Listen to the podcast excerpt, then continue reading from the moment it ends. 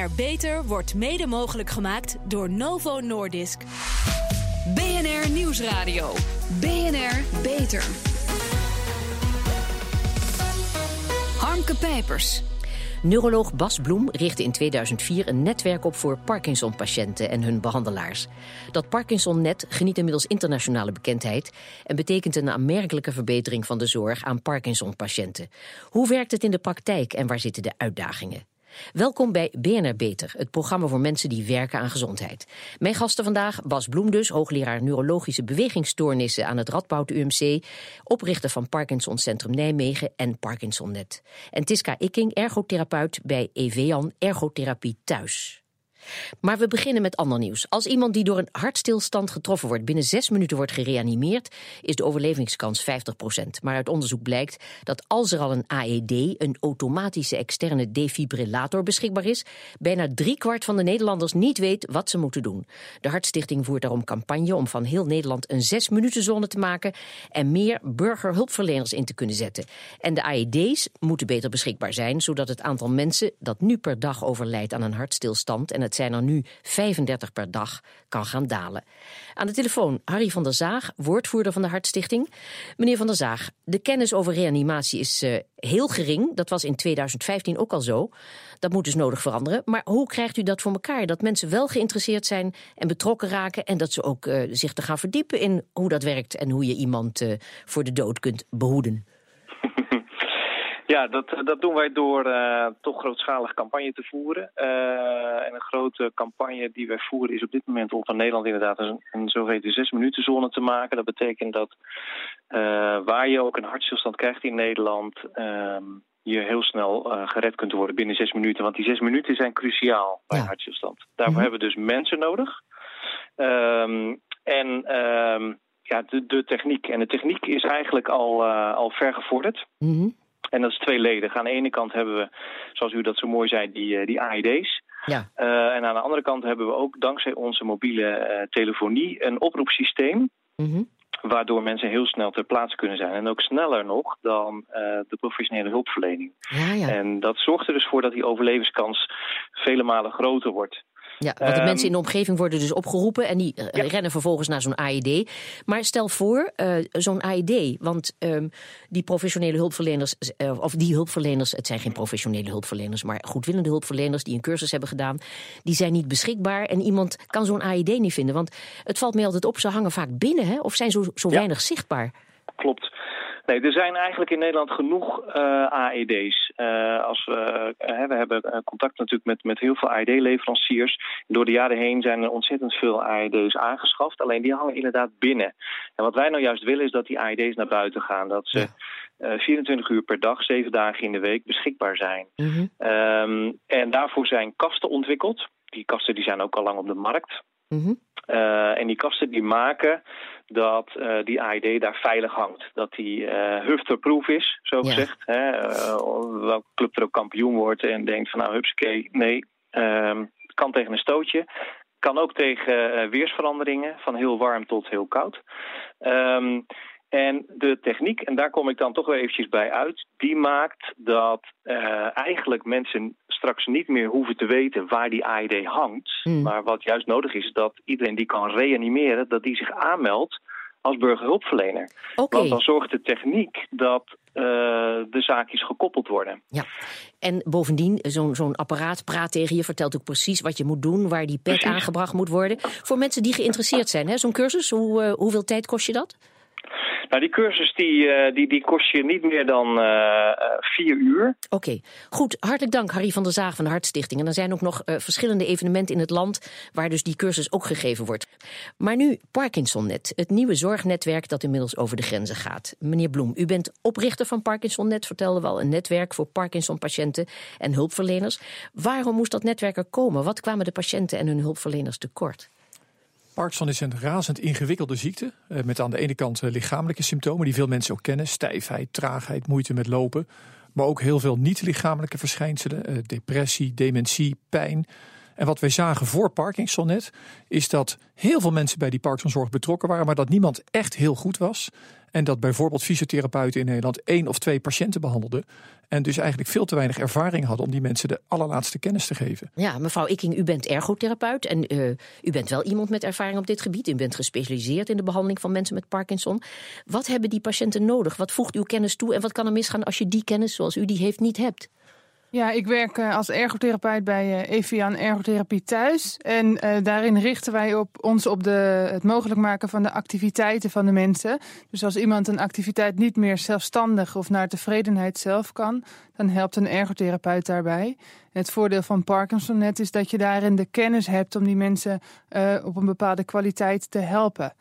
Ja, Parkinson-net is er voor patiënten en behandelaars dus. Hè. Wat, wat heeft het netwerk hen te bieden, ook de behandelaars? Uh, nou, je, hebt, uh, je moet een bepaald aantal bijeenkomsten per jaar bijwonen. waarin je kennis op peil wordt gehouden. Mm -hmm. En je hebt een vast netwerk van hulpverleners met wie je samenwerkt. rondom de persoon met Parkinson. Dus het is vooral de persoon met Parkinson die daar de meeste uh, meerwaarde van heeft. Ja. Meneer Bloem, de grote uitdaging voor Parkinson-patiënten is om zo lang mogelijk mobiel te blijven. Nou heb ik begrepen dat ook wearables daarin een rol gaan spelen. Dus iets wat de patiënt bij zich heeft. Een horloge of wat hebben we dan? Ja, je kunt inderdaad onder andere denken aan horloges. Ik denk Ja. wel dat eh, de dunne lijn tussen hoop en hype bij wearables nog eh, eh, echt wel gelegd moet worden. Ja.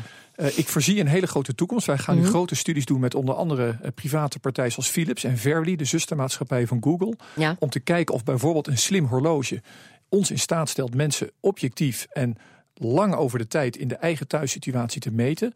Dat is de goede kant van de zaak. Of oudere mensen daar technisch mee om kunnen gaan. Of die dat leuk vinden om daar 24 uur per dag mee te lopen. En of die data betrouwbaar zijn en een echt Ja. reëel beeld geven. Dat Nee, moet nog- maar ik, ik bedoelde eigenlijk speciaal die patiënten die zeg maar, eh, waarvan u wilt weten, heeft dat nieuwe medicijn een gunstig effect op hun mobiliteit? Gaan ze beter? En dan geven die wearables eh, uitsluitsel over wat die patiënten allemaal hebben gedaan, hè? Ja, dat is, nou nogmaals, het is heel beloftevol. Eén Ja. ontwikkeling waar we zelf heel veel heil in zien. U krijgt is, dan een kaartje met daarin. Ja, maar, is bijvoorbeeld met GPS. Ja, dus in heel veel mobiele telefoons en ook in horloges zit GPS ingebouwd. Ja. En ik heb één studie gezien uit Australië, hebben we niet zelf gedaan, maar was prachtig. Waarbij mensen met hele vroege Parkinson. eh, plotten ze hun GPS-activiteiten op de kaart. En dan zag je dat iemand heel mobiel was, de hele stad doorkroste. Ja, Terwijl iemand met een eindstadium Parkinson, dat werd een stipje op de kaart, namelijk het bed in het verpleeghuis. ja. En dat kan wel eens een nieuwe uitkomstmaat worden in studies naar Parkinson, waarbij je ziet dat dat stipje op de kaart steeds groter wordt als je een Ja. goede interventie toepast. Ja. Nou is overal in de zorg zoomt het van e-health. Hè, maar het, het treurige feit is dat heel veel van uw collega's, heel, heel veel mensen in de zorg, die willen wel iets.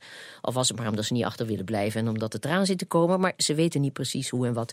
U wordt dus plat gebeld door geachte collega's uit de binnen- en buitenland. Veel succes heeft u.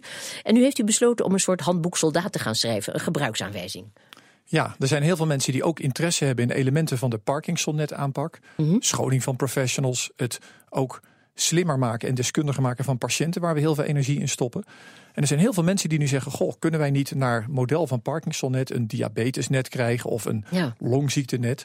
Alleen wat blijkt, als ik af en toe een half uurtje met die mensen praat, dan is dat niet voldoende om ze echt op pad te helpen om het echt te gaan doen. Nee, En wat we nu. Eh, want u heeft het er maar druk mee. Eh, Ja, dat, dat- is een hele internationale carrière op dit moment, toch? Ja, dat vinden we ook ontzettend leuk. We, Ja. willen, we willen heel graag die kennis en ervaring delen, maar wel op een effectieve manier. Dus Ja.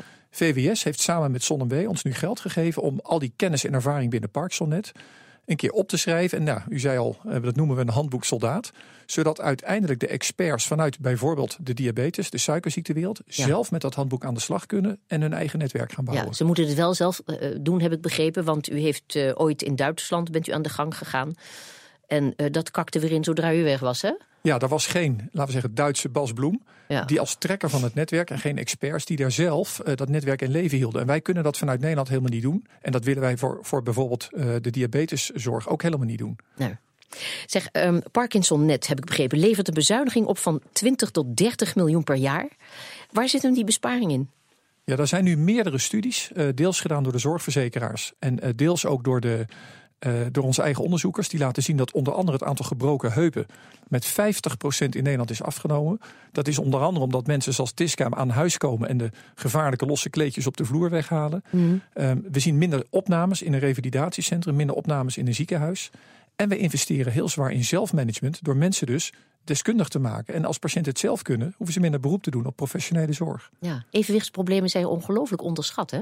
Enorm. Parkinson is echt de, de vallende ziekte. Ja. Uh, we hebben net een studie gezien van, uh, met de valdetector van Philips dat mensen met Parkinson meer vallen dan enige andere ziekte die, uh, die we gemeten hebben. Ja. En dat komt onder andere door de loop- en door de balansproblemen. Ja. En, en, ja? en dat is te trainen?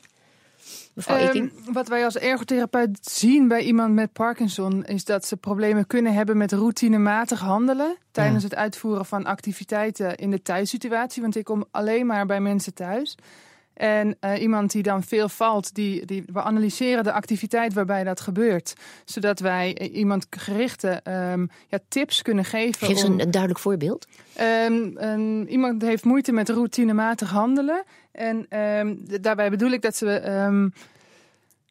ja, gerichte aandacht is moeilijk voor iemand met ja, ja. Parkinson. Okay. Complexe dubbeltaken zijn lastig voor iemand met Parkinson. En daarbij bedoel ik dat stel dat iemand uh, het moeilijk vindt of veel valt uh, tijdens een keukenactiviteit of ja, een boterham smeren, dat wij iemand leren om gericht de activiteit of de handeling waar dat probleem zich voordoet. Stel je voor dat het bij boterham smeren gaat om het gebruiken van het mes. Dan proberen we dat specifiek te trainen. Zodat die activiteit in zijn geheel goed wordt afgerond. En dat het vallen daarbij zo min mogelijk voorkomt. Maar hij blijft wel staan of moet de Parkinson-patiënt gaan zitten in zo'n geval? Dat Dan heb, zodat je dat gevaar een, even hebt uitgeschakeld dat voor het smeren van de boterham. Een, een, interventie kunnen zijn. Dat is niet voor iedereen haalbaar, omdat je dan niet bij het bovenste kastje kan waar de pindakaas in staat. Maar nee. het is een, dat zou een praktisch voorbeeld kunnen zijn. Ja. Maar het is natuurlijk voor Parkinson-patiënten heel lastig om die stap te maken. Dat je al die dingen apart heel bewust moet doen. Ja, absoluut. Dat, dat multitasken wat we allemaal heel Ja. automatisch doen, dat is dus dat is verschrikkelijk als je dat niet meer hebt. Maar dat is precies waarom je Parkinson net nodig hebt. Alles wat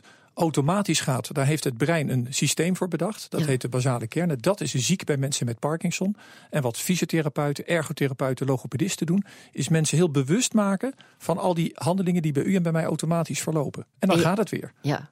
En het is ook een soort Facebook voor Parkinson-patiënten, begrijp ik. Hè? Dat je elkaar informatie geeft. Ja, wij geloven heel erg dat je mensen met elkaar moet verbinden. Dus Ja. we hebben aan de ene kant eh, vanuit een Parkinson Connect gebouwd. Dat is een soort Facebook voor de gezondheidszorg. Waar de 3000 experts zoals Tiska zich verbonden hebben en daar ervaringen uitwisselen. Maar we hebben ook patiënten bij elkaar gebracht in zo'n community. Zodat ook zij nuttige ervaringen kunnen uitwisselen. Voor Parkinson-patiënten is de regie over je leven houden en mobiel blijven de grote uitdaging. ParkinsonNet helpt ze op weg en liefst niet in een rolstoel. BNR Nieuwsradio. BNR Beter. De regie over je leven houden. ParkinsonNet zorgt dat dit steeds beter lukt. Daarover praat ik verder met mijn gasten Bas Bloem, neuroloog en oprichter van ParkinsonNet, en Tiska Ikking, ergotherapeut. Ja, er is dus, dat hebben we al geconstateerd, meneer Bloem, heel veel enthousiasme over uw aanpak. ParkinsonNet en heel veel specialisten willen ook iets dergelijks voor hun patiënten. Maar gaan er netwerken komen voor bijvoorbeeld eh, diabetes, noemde u al, hepatitis, Alzheimer, hartfalen, wat hebben we nog meer voor ellende? Gaan we daar naartoe? Dat denk ik wel. We hebben de zorg nu heel erg ingericht in eh, ziekenhuizen, gebouwen met muren eromheen. Maar ik denk dat de zorg eigenlijk ingericht moet worden om het pad van de patiënt te volgen. En de aanpak van ParkinsonNet, zorg in netwerken inrichten, experts opleiden en patiënten deskundig maken. Die generieke elementen van ParkinsonNet lenen zich uitstekend voor een heel breed spectrum aan andere chronische ziekten. Ja, maar Parkinson-patiënten hebben heel vaak comorbiditeit. Hè? Meerdere aandoeningen die misschien allemaal wel een speciale aanpak... of misschien zelfs wel een netwerk vereisen. Hoe gaat dat eruit zien in de praktijk? Is de patiënt, patiënt dan lid van drie netwerken? Nou, eigenlijk is de patiënt niet zozeer lid van het netwerk, maar hij maakt gebruik van het netwerk. Ja, dat is beter uitgedrukt. Eigenlijk wat ParkinsonNet doet, is wij hebben een legertje van 3000 super-experts opgeleid in Nederland. Ja. En als jij woont in Amstelveen, dan kun jij een Parkinson-net fysiotherapeut en een Parkinson-net ergotherapeut kiezen. Maar Ja. als jij ook diabetes hebt, suikerziekte, dan kun je ook uit het hopelijk toekomstige diabetesnet Ja. een diabetes diëtist kiezen. En zo bouw je als patiënt je eigen legertje van experts om jou heen. ja. Mevrouw Ikking, hoe ziet u dat?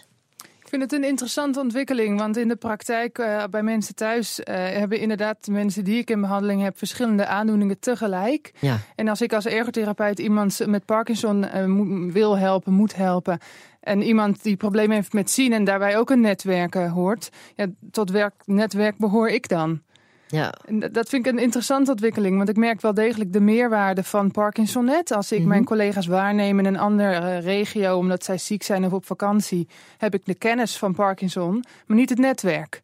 Ik merk Ja. wel degelijk het verschil. Maar goed, ja, als iemand dezelfde, wat ik al zei, meerdere ziektes, tot welk netwerk behoort de hulpverlener dan? Het netwerk van de patiënt. Ja, maar dat... heeft u daar een idee over, meneer Bloem? Ja, ik heb daar zeker ideeën over. Uh, ik denk niet dat Nederland straks uit, uh, nou hoeveel ziektes zijn er niet, hè? 2000, 3000 netwerken gaat bestaan. Ik kan me goed voorstellen dat als er dadelijk een beroerte-net komt, een Huntington-net, een multiple sclerose-net, dat TISCA lid wordt van die netwerk en dat dat samen een soort neuronet gaat worden. Ja. Dus als zorgverlener zul je nooit alleen maar Parkinson doen, maar zul je je wel specialiseren in een beperkt aantal ziekten die een beetje op elkaar lijken. Ik denk niet dat jij bijvoorbeeld dat TISCA lid gaat worden van het ogennet, want dat vergt net weer andere expertise. Zeg maar, de, rol van de huisarts hierin, hè? moet hij coördineren? Want daar heeft hij het in de huidige praktijk zonder al die netwerken al heel erg druk mee. Hij moet al zoveel. Of gaat hij het juist uh, met die netwerken makkelijker krijgen? Ja, ik heb enorm veel waardering voor huisartsen. Ik ben een van de grootste voorstanders in Nederland, denk ik, van specialistische zorg. Mm Tegelijk roep ik altijd: een specialist op een eiland is een gevaar voor de gezondheidszorg. Ja. Omdat ik niet meer de andere problemen van die mensen herken. De uitdaging in de Nederlandse zorg is dat je die specialistische kennis moet koppelen aan de generalist, en dat is de huisarts. Ja. En natuurlijk een hele deskundige, goed geïnformeerde patiënt. En ik denk dat die huisarts bij uitstek in staat is om de adviezen die de losse experts geven te integreren in één behandeladvies en daarin ook de prioriteiten voor de patiënt aan te brengen. Ja, dat moet hij doen, maar gaat het net daarbij helpen? Het net, nou, het hangt een beetje vanaf wat voor ziekte je het uh, over hebt. Bij de Parkinsonzorg is de mhm. huisarts inhoudelijk niet zo sterk betrokken. Mhm. uh, maar daar vinden wij het heel belangrijk dat de huisarts aan vroegdetectie doet. Ja. En bij een Parkinson-specifieke vraag snel iemand verwijst naar een expert in Parkinson-net. Bij de suikerziekte ligt dat heel anders. Daar is de huisarts de belangrijke, of misschien wel de belangrijkste speler bij de diabeteszorg zelf. En is dus ook een lid van het netwerk. Dus het zal per ziekte een beetje afhangen van de speciale toestand. Ja, maar als ik u wel begrijp, dan moet toch vooral de goed geïnformeerde patiënt, dat moet hij zijn, eh, toch zelf eh, aan het roer staan en de regie houden. Hè? Ja, ik denk dat we misschien niet expres, maar op zijn minst onbewust de patiënt een beetje dom hebben gehouden. Een van de dingen waar ik het meest trots op ben, wat we vanuit Parkinson net doen, is Parkinson TV. Wij hebben ons eigen web-based televisieprogramma, waarbij we kennis bij mensen thuis brengen. En mensen ook in staat stellen om vragen aan ons te stellen. Mensen kunnen uitzending gemist kijken, parkinsontv.nl. 32 uitzendingen gemaakt. En op die manier maak je patiënten deskundig. Dat is hartstikke leuk. Ja kan voorstellen. Zeg maar, eh, nog weer even kijken naar de huidige praktijk. Hè, want dat coördineren, uh, oudere patiënten met comorbiditeit. En ja, voor mensen op leeftijd is drie aandoeningen helemaal niet ongewoon. Die komen nu vaak bij de geriater terecht. En dat is iemand die anders dan zijn collega-specialist al veel meer coördineert. Uh, moet er ook een geriatrisch netwerk komen? Nou, ik denk dat een, of er een apart geriatrisch netwerk moet komen, dat vraag ik me af. Eigenlijk heeft iedere patiënt met meerdere aandoeningen zijn eigen privé geriatrische netwerk. En daarin kan een geriater in het ziekenhuis een hele belangrijke rol spelen. Want zoals u terecht al zei, die hebben bij uitstek ervaring met multimorbiditeit. Ik denk niet dat er een apart geriatrisch netwerk hoeft nee, te komen. Houden we op over die netwerken. Parkinson-net bespaart per jaar 20 tot 30 miljoen euro, hebben we al gemeld. Hè? Als al die netwerken al net zoveel bezuinigingen gaan opleveren, dan zou de zorg wel weer eens helemaal betaalbaar kunnen worden.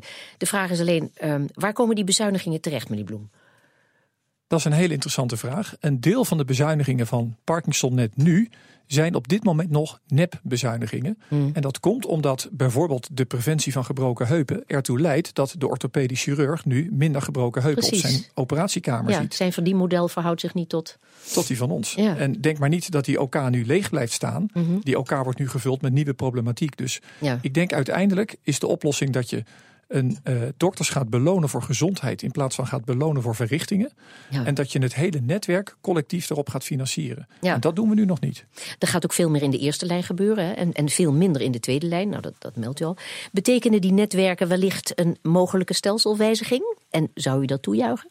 Ja, stel, als je over stelselwijzigingen praat, dan begint iedereen bij VWS, en dat begrijp ik, een beetje op een stoel heen en weer te wippen. Mm. De realiteit is dat Parkinson net vandaag de dag, hoewel we aantoonbaar 20 tot 30 miljoen bezuinigen en maar een miljoen per jaar kosten, nog niet structureel gefinancierd is. Ja. Dat is voor de duidelijkheid geen onwil van de verzekeraars. Wij werken daar echt bijzonder prettig mee samen.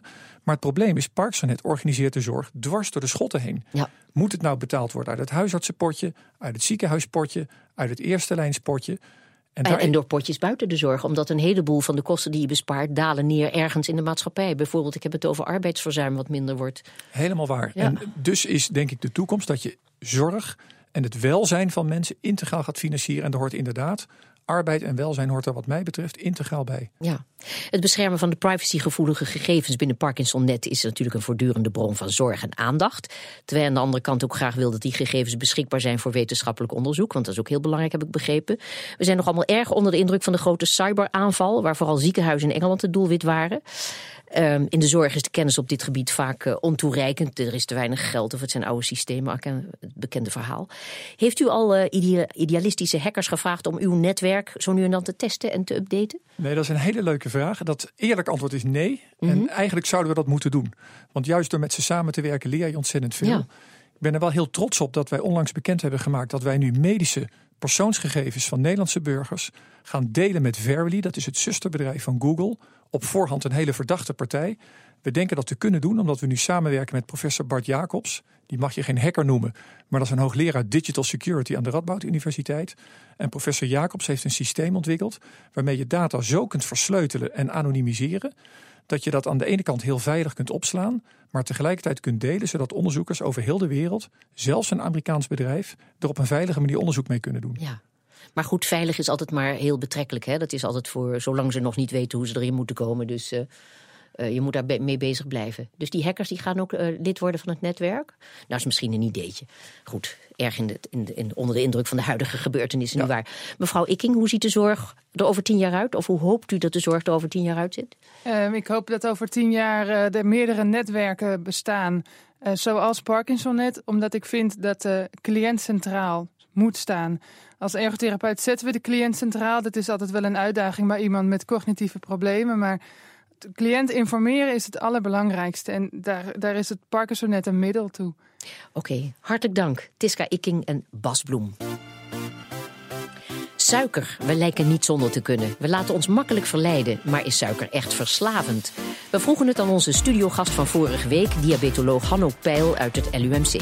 BNR-verslaggever Harmen van der Veen ging met hem in gesprek. Suiker is verslavend. Feit of fabel? Ik denk dat het uh, voor een belangrijk deel fabel is. Aha. Waarom? Suiker is wel iets wat wij heel erg lekker vinden. En dat is, uh, dat is begrijpelijk, omdat uh, suiker is de belangrijkste bron voor glucose in ons bloed. En glucose is uh, de belangrijkste brandstof voor onze hersenen vooral. Oké, okay, een noodzakelijk brandstof dus voor de hersenen. Maar waarom gooien we die tank dan zo vol?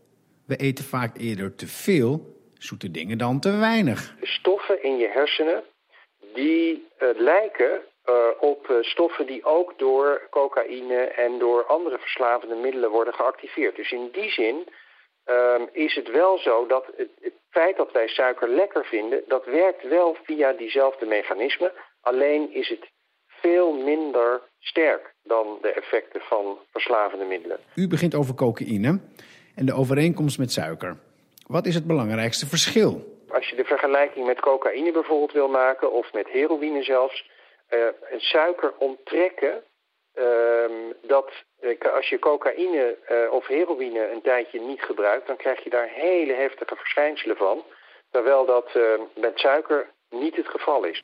Dus omdat de ontwenningsverschijnselen bij cocaïne, heroïne of alcohol veel heftiger zijn, noemt u suiker een niet verslavende stof. Maar toch durf ik voor mezelf te stellen dat suiker onmisbaar is voor mijn dagelijks functioneren hoor. Nee, ik denk dat je ik denk dat je dat uh, niet zo kan stellen. Dat neemt niet weg dat het moeilijk is als je veel suiker eet en je houdt van suiker, dat het moeilijk is om dat te laten staan. Dat is, en dat zijn ook biologische prikkels. Dus in die zin kan je misschien wel tot op zekere hoogte spreken van een verslaving, maar ik denk dat de, dat de vergelijking met alcohol en met eh, heroïne, dat dat echt veel te ver gaat. Tot zover deze uitzending van BNR Beter. Op bnr.nl slash beter is deze uitzending terug te luisteren. En we zijn ook op Twitter te vinden onder BNR Lifestyle. Dus heeft u tips voor ons? Laat het ons weten. Ik ben Harmke Pijpers. Tot een volgend spreekuur. BNR Beter wordt mede mogelijk gemaakt door Novo Nordisk.